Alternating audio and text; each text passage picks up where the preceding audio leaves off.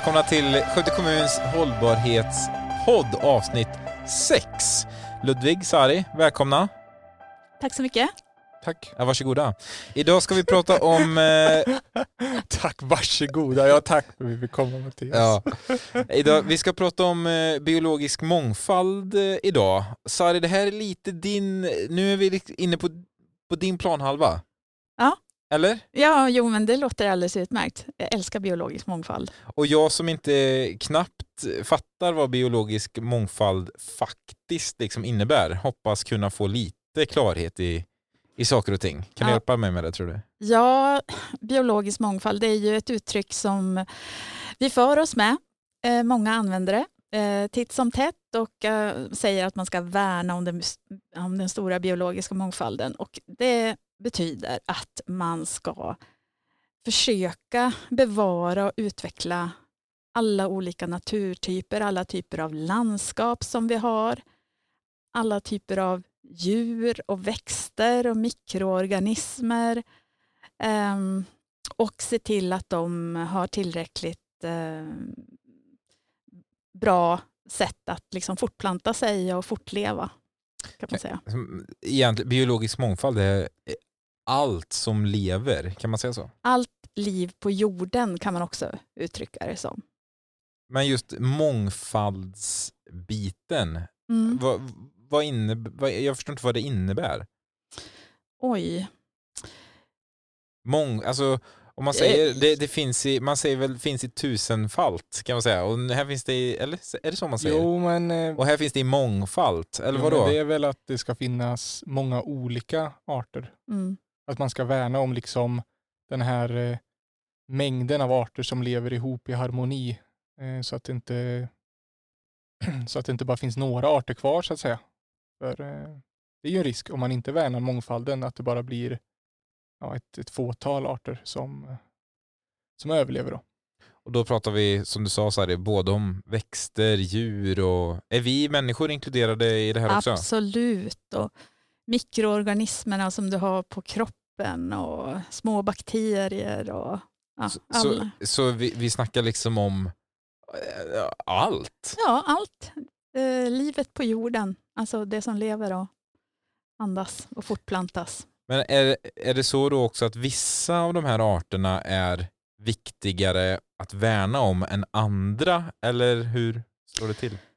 Jo, visst är det så eh, att eh, vissa arter är viktigare än andra. Men det som är svårt för oss att veta, trots att vi har så otroligt mycket kunskap som vi har idag, det är att Tala för dig själv. Eh, ja, ja men jag, jag tänkte inte på, närmast på mig själv utan jag tänkte på liksom det kunskapsläget som vi har faktiskt nationellt och globalt sett.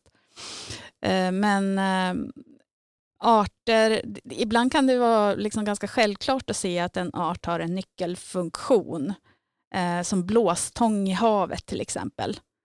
Eh, känner du till det Mattias? Det, det är liksom den du bollar upp som, som den självklara, det är blåstången. Ja, den, Ja. eh, Alltså man ser den ju inte så mycket just i och med att den är vid havet, men jag är övertygad om att eh, de flesta vid västkusten och östkusten känner till blåstången. Är det den här som är lite brun? Ja, Vad, vad, Okej, men va, va, varför är den viktig? Den är jätteviktig för att om du lyfter upp ett sån här, en sån här ruska av blåstång till exempel upp ur vattnet och så skakar du lite, då kommer det att trilla ner massor med olika typer av djur. Kräftdjur och snäckor, alltså, du, nu pratar jag hundratals liksom, i en enda ruska som, som bor och livnär sig där. Och många djur i havet livnär sig ju på de där kräftdjuren och på de där snäckorna. Ehm, och snäckorna livnär sig på mikroorganismerna som finns på, på blåstången. Eh, sen har blåstången en massa andra viktiga funktioner också i, i havet. Men eh, om, om den försvinner, då försvinner en, en stor livsmiljö för många arter och, ehm, och- och väldigt mycket födoämnen.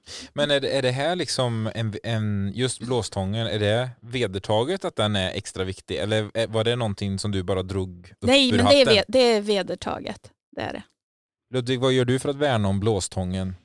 Inte så mycket faktiskt. Eller jag vet inte, inte så mycket. Jag vet i alla fall vad blåstång är. Ja. Ja. Ja. Nej men eh, skämt åsido, vad, vad är blåstången i fara om vi ska fastna lite vid blåstången? Ja, eh, den eh, situationen för den är väl inte optimal. Alltså exakt hur utrotningshotad den är vet jag inte, men att den, eh, den håller ju på att försvinna och den drabbas av föroreningar och, och exploateringar och sådär. Så att eh, den är utsatt, men jag kan inte uttala mig exakt om hur utsatt den är. Jag, jag tycker det är så viktigt att föra in här, för nu pratar vi lite om, om att ja, men det finns, ja, alltså vi ska ha den här mångfalden och vi behöver de här djuren och, och växterna och de livnär sig på varann och de, eh, de lever i ett, eh, ja, i ett kretslopp och i en, eh, ja, i en nisch. Liksom. Men, men de ger ju mycket också. Det är det här, liksom, varför ska vi värna om den biologiska mångfalden? Jo, men det är ju för att vi får ju så himla mycket från naturen. Alltså det kan ju vara så att eh, man tänker inte på det, men till exempel den här blåstången då, den kanske renar havet och vattnet och den tar hand om eh, något kräftdjur som i sin tur äter något plankton som gör att det inte blir någon, eh, en massa alger och annat. Eller jag vet inte, det är inte riktigt samma djur, men den äter alger kanske så att det, vi inte får massa sånt. Så, och det är här som gör det så himla viktigt att man värnar om mångfalden för att för oftast har de ju en viktig roll, men det kan vara svårt för oss att veta exakt vilken den är. Men den här blåstången, du sa att den eh, kan vara lite illa ute. Mm. Eller, vad, vad är det som gör att den försätts i den här situationen då? Är det, för om man pratar om föroreningar av hav till Mm. exempel, så är det mycket vad människan åstadkommer och kastar fysiskt liksom i haven som man, som man pratar om, bland annat. Mm. Typ plast och diverse. Det kan Mm. vara soffmöbler och allt möjligt. Och man hittar det, kanske inte soffmöbler i magen på fiskar, men, man, ja, men mycket plast. Är det sånt som, som bidrar till att blåstången är, är utsatt? Eller vad är det som gör det? För jag tänker, du hittar ingen plast i magen hos blåstång. Vad är det som gör att blåstången drabbas när den liksom inte äter någonting? Eh, man kan väl säga så här att eh, många av våra havslevande organismer de drabbas ju av algblomningen. Eh, och den leder i, i sin tur till att väldiga mängder eh, dött material singlar ner till bottnarna och så får vi syrefria bottnar. Det förbrukas väldigt mycket syre. Eh, och särskilt i Östersjön så har vi en sån situation där de här syrefria bottnarna breder ut sig och då kan ingenting leva på de bottnarna. Eh, och det drabbar ju liksom havsorganismer väldigt hårt. Eh, så så det, är, det är sådana storskaliga saker som påverkar blåstången och plus att man kanske minska minskar förutsättningarna för den att finnas genom båttrafik eller annat, liksom e, exploatering, slitage. Det är till exempel eh, om vi, blåstången är ju en vattenlevande organism, men man pratar mycket om de här korallerna också. Mm. Och till exempel korall, eh, korallreven då runt om i världen, de är ju Ja, det är ju verkligen en boplats för fiskar och kräftdjur och andra organismer i vattnet. Eh, och det man ser är ju att till exempel när vi får klimatförändringar så, så ökar ju temperaturen på jorden och ökar även temperaturen på vattnet. Och vid en viss temperatur så överlever inte de här korallerna längre. Och då dör de. Ehm, och i och med att de dör så dör ju väldigt stora ja, boplatser då för massvis med fiskar och organismer. Så att det liksom finns ju en koppling också mellan den här biologiska mångfalden och, och även ehm, klimatförändringarna. Då. Så att det är ju viktigt att värna om, om den. Och det, och det blir liksom en, ja, man pratar om ja, men klimatförändringarna som en del, men den får ju konsekvenser någon annanstans på en organism här kanske, fast på många i och för sig, men just på, på korallen. Och korallen i sin tur, eftersom den blir påverkad, påverkar en massa andra fiskar och djur också. Ja, men kanske- allting hänger väl ihop tänker ja, jag. ja, ja, visst absolut. Och så är det ju att det är ju därför vi behöver den här ja, mångfalden just för att eh, för att de påverkar varandra så himla mycket. Eh, och risken är att om en, en dör så dör många andra i, i svallvågorna av det här. Liksom. Svalv, åh. Och det är det man brukar- när vi finns pratar ett om biolog- hav. Ah, det var så snyggt. Ja. Det finns ett biologiskt begrepp för det där. Ja. Eh, Kaskadeffekten, Jaha, okej. alltså Mm. när en viktig nyckelart försvinner. kedjan Ja, en bryts, ke- Ja, liksom. en kedja, det blir liksom en kraftig kedjereaktion. Men det är ju lite som, när man har, som man har pratat om i, i coronatider här, när man plockar bort en, en person ur en smittokedja Mm. så, så, så ja, den bryts ju och sprids ju inte alls till lika många. Det är det man använder mycket, att ja, men tänk om du hade varit den här personen om du hade stannat hemma Mm. så hade du kunnat eventuellt då förhindra att liksom, hundra personer blir smittade. Det blir lite samma princip här, Mm. tänker jag. Men är det så att om en del i den här kedjan plockas bort, alltså dör allting då? Om, om du tar nej, bort nej, inte, tången, nej, inte allting, för allt är ju inte liksom, det kanske finns andra saker för kräftdjur och snäckor att sätta sig på och leva av. Eh, Men chanserna minskar stort eh, för, för dem, för deras överlevnad. Så är det ju. men är haven i fara då, alltså generellt? Jag, Ja, alltså det skulle jag vilja påstå, även om nu blir, jag vill ju inte låta som någon slags domedagsprofet, men om vi bara tittar på våra egna hav så kan vi ju se till exempel i Östersjön att torsken har minskat och botten, det, det finns mer syrefria bottnar. Man, man ser liksom får jag ställa det, en fråga ja, på det bara? ja. Alltså när du säger syrefria bottnar, Ja, vad menar du då? För i ett hav, ja, alltså nu är jag på väg mot eh, klättra, djupt vatten. Ja, på, åh, klättra högst upp i dumträdet alltså. ja, Men vadå, syre i vatten? ja, Eller, eller vad? ja, det finns syre i vattnet. Det är en, Du vet fiskar en- har ju gälar Ja, och de andas ju med, med dem. men jag, har- jag har nog aldrig liksom reflekterat över att det finns alltså jag, att det finns syre i vattnet på det sättet.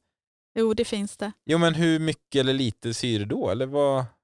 Ja, jag kan. Alltså det beror lite grann på salthalten hur hög Men när du säger liksom att det är lite syre på, bottnarna. på bottnarna, nej, jag har bara svårt att liksom Nej, okej. ta men, in att det, att det ska finnas syre på det sättet att, att djur och organismer ska kunna andas. jo, Ja, nej, som sagt, högst upp i dumträdet, vad är det som gör då att vattnet förstörs? Är det bara liksom att vi slänger trädgårdsmöbler i, i, i vattnet? jag tror inte det är så mycket trädgårdsmöblerna. Du, nej, nej, Eh, nej. Men, men det slängs, det slängs ju allt i vattnen. Ja, jo det gör det ju. Man har ju sett hemska bilder från Asien och Kyl sådär. och frys. Ja, eh, Ja. Jo men ja, det, men det, ja, men det är sant. Det är sant. jo, men vi, Och plast i mängder. Jo, vi- vi har ju använt haven som soptipp för att haven har ju varit så oändligt stora så att eh, man har trott att det inte märks men nu märks det ju. Och eh, sen är det ju mycket näringsämnen framförallt som har drabbat Östersjön och andra typer av föroreningar. Det kan vara metaller och olika typer av organiska, alltså giftiga kemiska föreningar som inte är bra för, för, levande, för det levande livet. För sån där, man pratar en del om övergödning. Mm. Det är väl också kopplat till det här, fast det är mer från åkermark och annat. Ja. Kanske att det kommer fosfor och... Ja, fosfor och kväve. Ja, precis. Ja. Va? Ja, nej men alltså att, att man göder ju marken för att odla mycket och så får man sådana här läckor då så att det, liksom, det rinner ut allt mycket gödningsmedel åker med av vattnet ut- i havet. Ja, okej. Och då blir det, ja, det blir för mycket näringsämnen i helt enkelt så det blir, skapar en obalans i, i ekosystemen då. Och det är då algerna börjar blomma och det är då det blir så läbbigt att bada. Mhm. Du vet, det blir så här grönt, slemmigt. Det är inte så fräscht att gå i och man brukar säga till eh, personer som är allergiska, hundar, småbarn, att inte bada för att eh, Är alger farligt? ja, det finns giftiga alger. Det finns olika typer av alger, en del är väldigt giftiga. Men de vi har på våra kus, kuster, kustar, kust, Ja, kust, Det, det, det finns kustarna, alger. kusterna. Kusterna. Ja. Ja, Finns det giftiga i, Ja. i Sverige? ja. Har vi det här problemet lokalt här då, här runt omkring Skövde med förorenade vatten och Det här kan ju också drabba sjöar och det gör det ju. Man kan ju se algblomning. Har du sett någon grönslemmig sjö någon gång? eh, ja, Ja, eh, och jag vet att vi hade problem, det här är ganska länge sedan, men med Sjötorpssjön i Skultorp. Eh, och jag vet att det läckte ut väldigt mycket fosfor och fosfor är ett sånt där ämne som gör att eh, organismer och växter, det är ett tillväxtämne. Det är liksom en näringsfaktor som är otroligt viktig. Eh, och då blev det såna här syrefria bottnar i Sjötorpssjön och eh, så frigörs det ju ännu mer fosfor när det blir syrefritt. Så jag kommer ihåg att man hade pumpar och man pumpade ner liksom luft ner på bottnarna för att bryta den här negativa cykeln. Då. Eh, att eh, de här syrefria bottnarna breder ut sig allt mer och, och tar över. Och... Och då snackar vi liksom, du pumpar ner faktisk luft på i sjöbotten. Ja. Ja. För att bryta den här onda cirkeln. För det är ju oftast det det blir när det blir, när det blir brott i den här kedjan i ekosystemet. Alltså det blir en förändring som är så stor så att ekosystemet inte kan stå emot. Och det är samma är ju det här med surt regn. På, när jag var barn eller liten då var man jätterädd för surt regn som kom västerifrån. Um, nu har ju uh, utsläppen av sval, svaveldioxid till exempel minskat med 80 procent sen. Men nu, nu, nu pratar du om surt regn som att det vore någon självklarhet vad det är. Ja, surt regn är surt regn. Nej, Det har ett lågt pH, vad ska jag Det säga blir eh, Ludvig? den här vad är det, svaveldioxid. Den Mm. reagerar i alla fall med vattnet i molnen och bildar svavelsyra. okej. Och då blir det surt. Aha. Liksom, det blir lågt pH. Och, och blir det surt så ja, överlever inte ja, organismer och, och eh, ja, träd och växter. Men vad så, ta, ta det här en gång till. Hur, det, svavelsyra? Ja, precis. Och det är ju en stark sur, syra då. Ja, men du, du sa att, att det, Det, reagerar... regnar ner liksom Ja, i vattnet i, från regnet då. Och så blir det surt. Det blir, eh, det blir inte en miljö som är gynnsam för ekosystemen. ja, men jag, jag, jag förstår fortfarande inte. Hur kommer svavelsyran...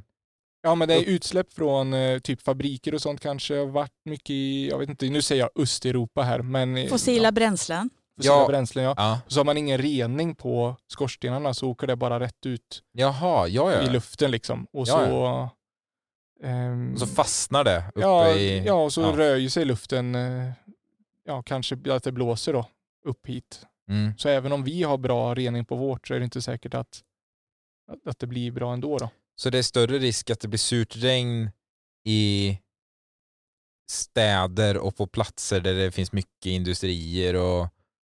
Ja, jag skulle vilja säga att det är större risk att det blir eh, surt regn på platser som ligger i den vindriktningen från eh, sådana platser som skapar de här föroreningarna. Har vi något sånt här omkring? Ja, alltså det är, ju, det är bara att titta västerut och som du sa från Östeuropa eh, har det ju funnits mängder med eh, anläggningar som har släppt ut eh, dålig luft om man nu säger så. Då. Och det här regnet, när det faller, Mm. dödar det liksom allt i sin väg, eller hur? Nej, nej, det gör det inte, inte direkt. Det, finns ju en serie, har ni sett den? The Rain heter den tror jag. Det är väl något eh, liknande. Det, Jaha, det tror jag man dör om du träffas av regnet. Oj, det var en... det här- det är riktigt så häftigt är det inte. Men däremot på sikt kan det ju till exempel försura en sjö. Som jag vet inte om du har hört talas om att Holsdammen och Simsjön uppe på Billingen till exempel har kalkats. Nej. Just för att de har varit i riskzonen. Man har ansett att nej, men nu, nu börjar de bli så pass sura så att eh, nu kan inte kräftdjur och fisk överleva. Så då behöver vi eh, hälla i tonvis med kalkstensmjöl. Så- Mhm. Så, Och det är basis då, så då tar de ut varandra. Ja, just det. Just det. Och då, för att nå ett neutralt pH om du har hört talas om det någon gång. Jajamän, sju! Ja! Mm. Ooh, applåder. Nej men och som du hör här, liksom, om vi ska tillbaka lite till den här mångfalden, så är det ju det är inte bara en grej som, som påverkar den biologiska mångfalden, utan det kan vara massvis med sådana här saker. Det är klimatförändringar, det är eh, att de förlor, djur kanske förlorar sina naturliga livsmiljöer, det är surt regn, det är syrefria bottnar, det kan vara andra typer av eh, utsläpp och, och, och sånt där. Ehm, Så det är liksom en, en uppsjö med ja, på miljöpåverkan. En, en uppsjö. Alltså, Alltså du, jag är, du är... I'm on fire. Ja. Nej, men en uppsjö med, med påverkansgrejer som gör att det liksom, ja, att eh, det blir obalans i systemet. Vi har varit inne och touchat lite på, på är det touchat, allting handlar ju om som sagt allt är levande och därmed liksom djur, du pratade om mikroorganismer och, men jag tänkte lite mer, att vi ska gå in lite mer konkret på, på Mm. just djur. Mm. Vad händer med eh, djurarterna på jorden just nu?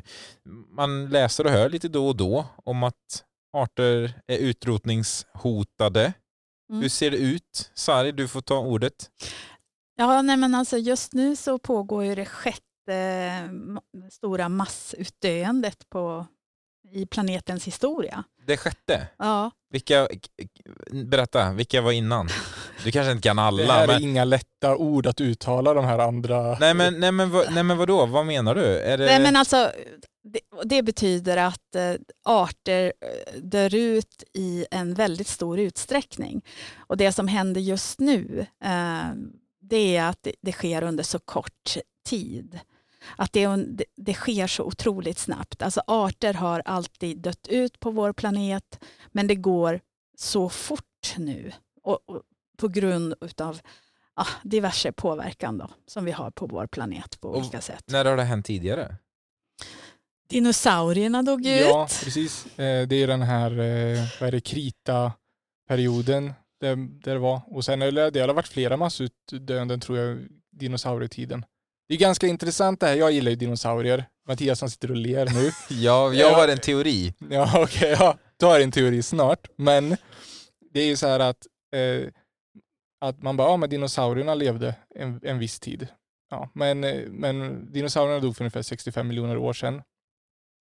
Och då var det ju en, eller det man tror var väl att Sex- ja, 60 65 Ja, just det. Så du. miljoner år sedan. Eh, och, och då var det ju, vad man tror i alla fall, att det var en stor meteor, meteorit. Meteor? Jag Meteorit. kan inte skillnaden på meteor och meteorit. Det är olika. Om eh, ni kan skillnaden på meteor och meteorit, mejla till podcast.skode.se och berätta vad skillnaden är. Då blir vi jätteglada. Men en meteorit som slog ner på jorden då.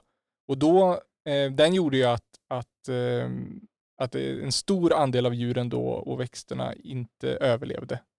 Um, men det här skedde ju ändå över en jättelång period, liksom att de dog ju inte ut från en dag till en annan. Utan det tog väldigt lång tid då. Men under dinosaurietiden så har det också varit flera andra massutdöenden där dinosauriearter har dött ut och sen har det kommit nya dinosauriearter. Så att det är liksom Ja, när levde dinosaurierna? Ja, det var allt för 200 miljoner år sedan till 65 miljoner år sedan eller någonting. Så att de har ju levt under hundratals miljoner år kan vi väl egentligen säga.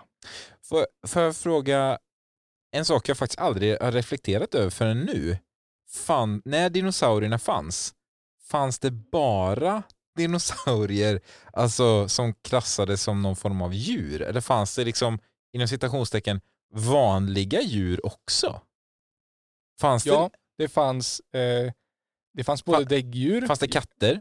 Ja, katter vet jag inte om det fanns, men, men det fanns ju däggdjur i alla fall. Och fiskar och groddjur och insekter och sånt där. Ja, men jag tänker mer på alltså, ja, men katter. Katter tror jag inte fanns, fanns. det, fanns elefanter? Det vågar jag inte svara på. Människan är ju, vad är, vad är Homo sapiens? Är det 200 000 år gammal? Ja. Eller något i den stilen. Mm. Så det är klart att 65 miljoner år sedan så fanns det kanske inga apdjur alls. Nej men en elefant är väl inget apdjur? Nej, men, men all- alla däggdjur kommer ju någonstans ifrån. Ja. Ja, och du får liksom, nu är det ju väldigt förgrenat. Nu finns det ju alla kattdjur och elefanter och människor och valar. Men eh, om du liksom backar bandet så kommer ju det här trädet att få mindre och mindre grenar. Och till slut så kommer du ju nå en period där det var liksom, det här var typ det första däggdjuret. Och därifrån kommer ju alla ja, absolut. däggdjur. Om man säger så. Så kan- det är klart att backar du bandet 65 miljoner år så nej, elefant kan, fanns kanske inte. Men det fanns någon förhistorisk elefantkatt. nej, jag vet inte, men typ så funkar det väl i alla fall. elefantkatt. Det blir bara bättre och bättre. Ja, och sen delar ju de på sig och så blev det ju katt och elefant. Det är jättelogiskt det här. Kommer det vara så att dinosaurierna någon gång kommer komma tillbaks? De har ju funnits en gång. Varför skulle de inte kunna komma tillbaks? Någon, någonting måste ju ha hänt som gjorde att det vandrade omkring triceratops ute på gatan. Varför skulle inte det kunna hända igen? Har någon av er kunskap kring, kring detta? Eller någon, någon teori? Alltså det, är ju, det har ju med evolutionen att göra, så att det är ju om rätt förutsättningar visar sig för den typen av djur att utvecklas, så är det väl inte omöjligt att det skulle kunna bli så. Men, men, eh, men för det var ju faktiskt så, det är kanske inte många som vet det, men det var ju så att alla dinosaurier dog ju inte ut. Utan det fanns ju släkten av dinosaurier som fortsatte sin evolutionsresa och blev ju fåglar. Så fåglarna är ju, härstammar ju från dinosaurierna då. Ehm, så, så det är klart att om det blir ogynnsamt att flyga igen så kanske de, jag vet inte, de de-evolveras tillbaks till någon typ av dinosauriedjur. Jag har ingen aning. Men det kanske blir så att vi liksom resettar jorden om eh, 50 miljoner år. Människan är död sedan länge och så är det dinosauriernas tid återigen. Vem vet? Vet ni vad? Vi lämnar dinosaurierna. Vi går tillbaka till djuren som, som finns idag. Vad får det för konsekvenser då när djuren trillar av pinnen så att säga? Ja, det får ju massor med konsekvenser. Ja, det kanske beror på lite vilket djur vi pratar Ja, om också. och, och det är det som är problemet. Att, eh, men nu vet vi ju att det är så pass många djurarter som är hotade att eh, det är klart, jag menar, vi, vi har ju pratat om det här tidigare med pollination, att vi, eh, vi är helt tvungna för att föda jordens befolkning att odla mat till exempel. Men då återigen, precis som det här giftiga regnet, Mm. eller sura regnet, eh, kan du dra pollination lite snabbt, vad det faktiskt är? Ja, just det. Du kan inte bara förutsätta att jag och du vet, de som lyssnar på det kan sånt här. Vi alla är inte så bildade. Nej, du vet, eh, bina flyger ju omkring och surrar och så är det så här eh, trevligt och så blir de lockade då till eh, äppel. Måste det vara bin? Nej, det kan vara eh, fjärilar, det kan vara däggdjur, det kan vara fåglar eh, som Jaha, hjälper till med... Kolibri, typ? Eller? Ja, kolibri. absolut. Mm. Mm. Men i alla fall, de här bina surrar omkring eh, och sen så lockas de eh, till eh, äppelträdets blomma därför att där finns det någonting som de vill ha i form av nektar. Eh, och så flyger de in i blomman och där stöter de på eh, ståndarna som är hanorganet i, eh, i, i blomman. Och, och, och på ståndarna sitter det en massa pollenkorn som fastnar på biet. Eh, och sen så fortsätter eh, biet till nästa blomma och eh, gör samma sak, samlar nektar. Och ofta är det så att för att komma och hitta den här nektarn så måste man tränga in ganska djupt i blomman. Och då träffar man på eh, pistillen som är honorganet. Du vet, de här termerna känner jag igen nu när du dem, nämner dem från högstadiet. Ja, precis. Biologin.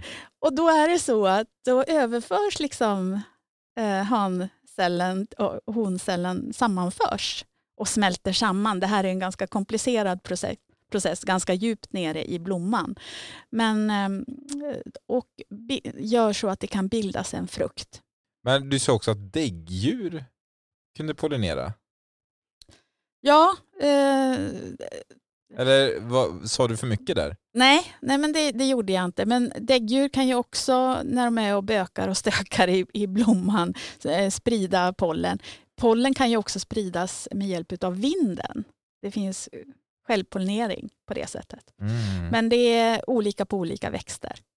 Men skulle du då, eh, finns det några djur slash insekter som har den här typen av arbetsuppgifter som är illa ute? Ja, det, det är ju bina som vi pratade om i förra programmet tycker jag är jätteviktiga att ta upp. Men är bina, eh, lever de farligt så att säga? Ja, absolut. Eh, det, det, gör, det gör de. För det är ju ofta man läser, gud vad jag pratar om att man ofta ser och läser, men det är där jag får min, ja, min info eller insp- inspiration ifrån. Eh, de här lite större djuren, liksom att ja, men vita zebror, nej det finns inte, men Randiga zebror. ja, nej, Albinozebror. Vit ja, nej, men, ja men den typen liksom av djur, att man, man har hört, eh, aldrig hört talas om den här sortens apor Eh, och sen så läser man och hör på nyheterna att den är utrotningshotad. Men är det kanske de här djuren som vi, man borde vara lite mer orolig för? Typ bin, typ de här som jobbar lite i det tysta, som man inte tänker och, och ser på samma sätt. Ja, jag tror att det kan, det, det, kan vara både och. Det finns ju stora djur som också kan ha en sån här nyckel, som också är nyckelarter. Eh, Men det känns inte som att de har det i samma utsträckning. Vad bidrar de med? eh, Nu kan man ju inte dra stora djur över, över en kam. Nej, men, nej, men jag djur, vet inte. Jag tänker på vargen som återimplanterades i, i en, eh, tillbaka till en amerikansk nationalpark där den hade utrotats tidigare. Eh, och eh, så planterade man tillbaka den och så såg man helt plötsligt att den hade en effekt av att vattenkvaliteten blev mycket bättre i nationalparken. Och då kan man ju liksom fråga sig, ja, men hur hängde det ihop? Jo, därför att då reglerade den beståndet av en viss typ av hjortar som betade ner allting så att eh, eh, längs med vattendragen, eh, massa gräs och buskar och annat.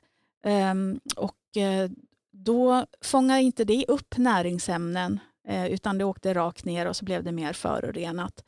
Eh, dessutom, så i och med att det fanns mer växter kvar längs med vattendragen så blev, fanns det mycket mer hem och hus och föda för andra insekter. Så det blev ett, mer, det blev ett artrikare liv också. Eh, så att det, det, det är sånt här som är liksom häftigt. Ja, det är lite, för det är inte det spontana man tänker på när man pratar om, om varg. Att vattendrag, hur, hur pass rena de är Mm. och dra den kopplingen till att jo men vargen käkar hjortar och då i och med det så kan inte hjortarna käka gräset och då växer det igen och så, ja, vi återkommer ju till den här kedjan Ja. hela tiden. Mm. Tänkte, Ja, men det Den här lite- samhällsekonomiska vinsten här av att ha allt det här är ju jätteviktig. Alltså, alltså man pratar ju oftast om att ja, men det är så dyrt och eller jag hör det i alla fall mycket, att det, är så, ja, men det kostar att fixa klimatet eller det kostar att hålla på med den här biologiska mångfalden. Jo, men det kanske betalar sig i, på ett annat ställe annars. Alltså om du, om du har en fabrik utan en massa filter och bara släpper all skit rätt ut då. Det kanske är jättebilligt att tillverka någonting i den fabriken. Men vem betalar priset? Jo, det gör vi kanske i någon annanstans istället för att då, ja, då dör bina och då måste vi ha en massa kineser som går och penslar på blommor för att vi ska få äpplen och så kostar det jättemycket pengar. Så jag menar, allt det här, så vi får ju väldigt mycket gratis från naturen genom alla de här kedjorna. Eh, och jag tror att det är, det är viktigt att ha med det perspektivet att, att om, man, om man köper någonting väldigt billigt som kanske inte borde vara så billigt, ja då är det någon annan som betalar priset och det är oftast naturen då kanske. Djur i all ära, både i vatten, ovanför vatten, vissa är utrotningshotade, vissa är det inte. Vi får ju inte bara mat och näring från djur. Mycket odlar vi och ser till att vi får till oss på egen hand. Sen kanske djur har med det att göra ändå. Det får du gärna komma in på Sari. Ludvig du också. Om Tack. du, ja. eh, men just att vi odlar saker, odlingsbar mark. Vi har ju mycket mark, men hur mycket av den är odlingsbar egentligen? Nej, det är inte så mycket. Och eh, bara en reflektion. För när vi, vi lever ju, man brukar ju säga att vi lever på en blå planet och det är ju av en orsak. Och det är ju för att den största delen eh, av planeten består ju av vatten. Så bara så att man gör den reflektionen. så att eh, landmassan brukar man säga är ungefär en fjärdedel eh, utav eh, eh, planeten. Och eh, hälften av den kan man säga är odlingsbar. Den andra består av öken och is eh, och, och berg. Eh, och sen så har man eh, den då odlingsbara marken, men då är ungefär bara en fjärdedel av den ändå brukbar. Därför att eh, Vänta nu, nu ska vi se. Hälften av marken... Nej, fan det här blir rörigt. Nej, Nej, men det blir En inget bra. fjärdedel av planeten är, är land, Mm. Och hälften av det är är odlingsbar. kast. Precis, Ja, och hälften är odlingsbart. Ja. Är vi nere på en åttondel då? ja. Ja. Och sen då Sari, hur var det sen? En åttondel. Ja. Nej, men då är den marken ändå för fuktig för, att- för att odlas och, eller så har vi byggt på den. Ja. Så det är bara en fjärdedel av den åttondelen då som är... Ja. Nej, Det skit. är ju jättelite det här. Alltså, det det, här- är så lite mark så... Ja, jag vill bara liksom, poängen var att vi skulle komma ner till att det var väldigt, väldigt lite. Point made.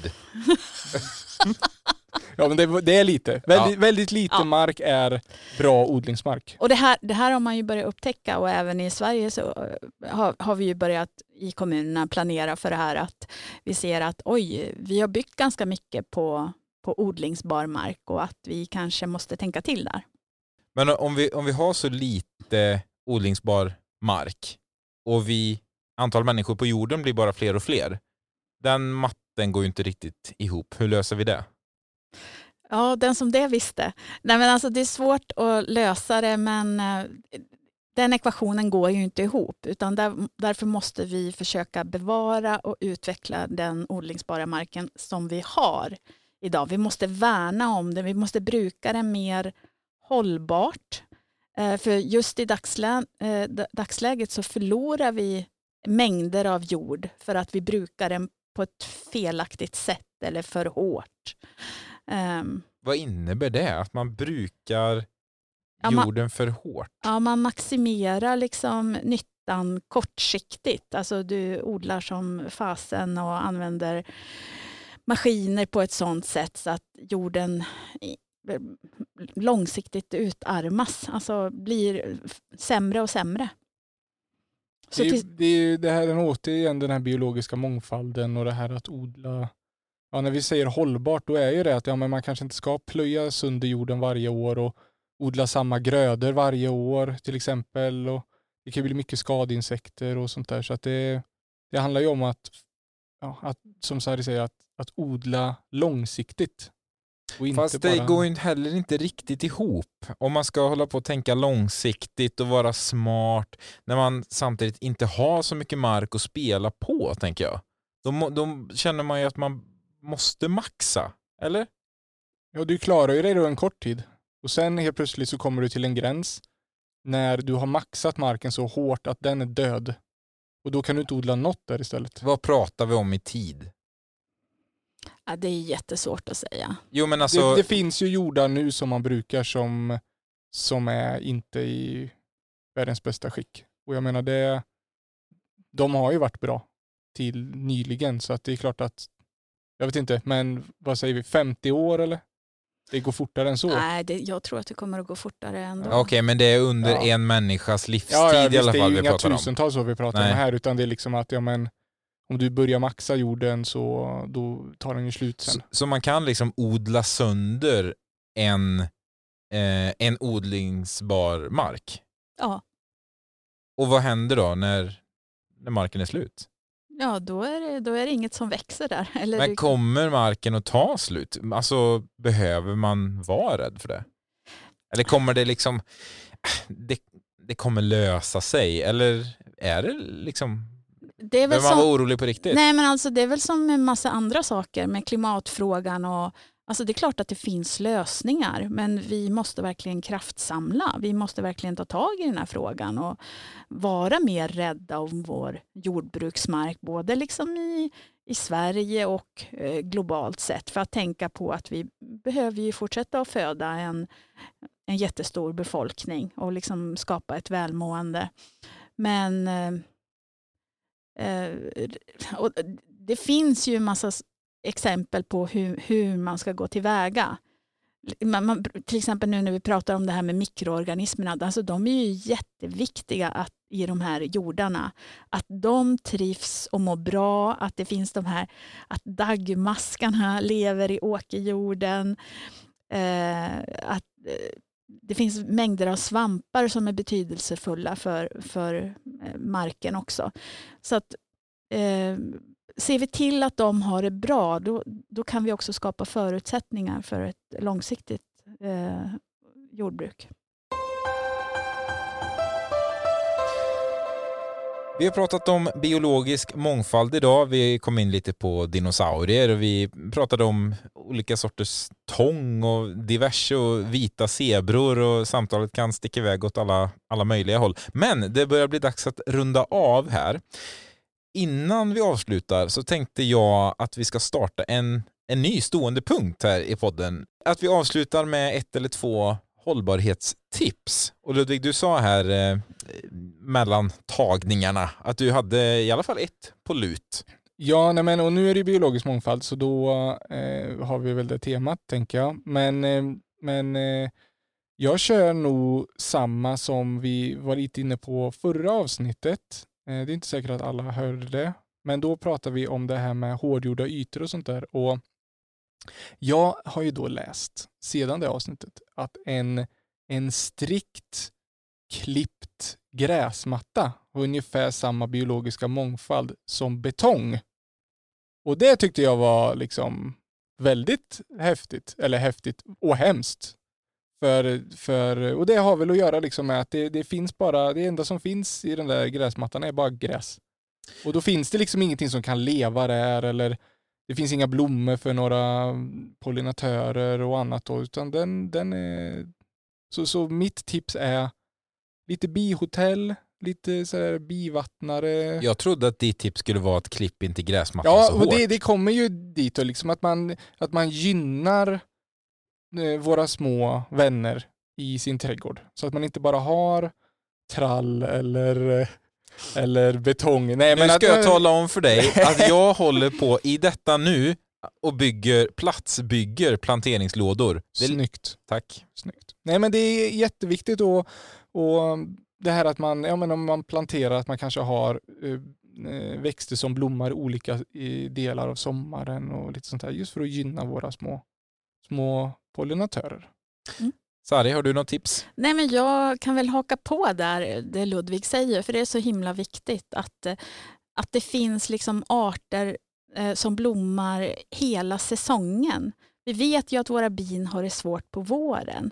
Så eh, gärna om man liksom har, har en sälj till exempel, så spara den, för den är liksom en livlina för, för, för bina tidig säsong. Samma sak med maskrosorna som många hatar. De är jätteviktiga för bina. Eh, men så att man ser till i sin omgivning, eh, ja, det kanske kan vara på sin trall, trätrall eller eh, i, på balkong, i balkonglådorna eller i sin trädgård, att man ser till att det finns eh, blommande växter och buskar och kanske till och med träd liksom hela säsongen. För att eh, det är så här att bina när de får svårt att hitta mat då, då lägger de av och jobba. Då ligger de och kurar inne i sin kupa eh, och eh, käkar pollen och den nektarn som de har samlat in. Och drottningen slutar att lägga ägg. Eh, och sen när det blir rik eh, tillgång till föda igen, då, när de märker att Nej, men nu börjar det finnas lite nektar där ute, då tar det ungefär tre veckor för bisamhället att komma igång igen. Så att eh, man gör dem en stor tjänst genom att se till att eh, deras säsong kan bli så eh, lång och smidig som möjligt utan onödiga brott. Nej men hörni, tack för de tipsen. Vi rundar av och eh, vi säger eh, på återseende. Ta hand om er så hörs vi snart igen. Hej då! Hej då! Hej då!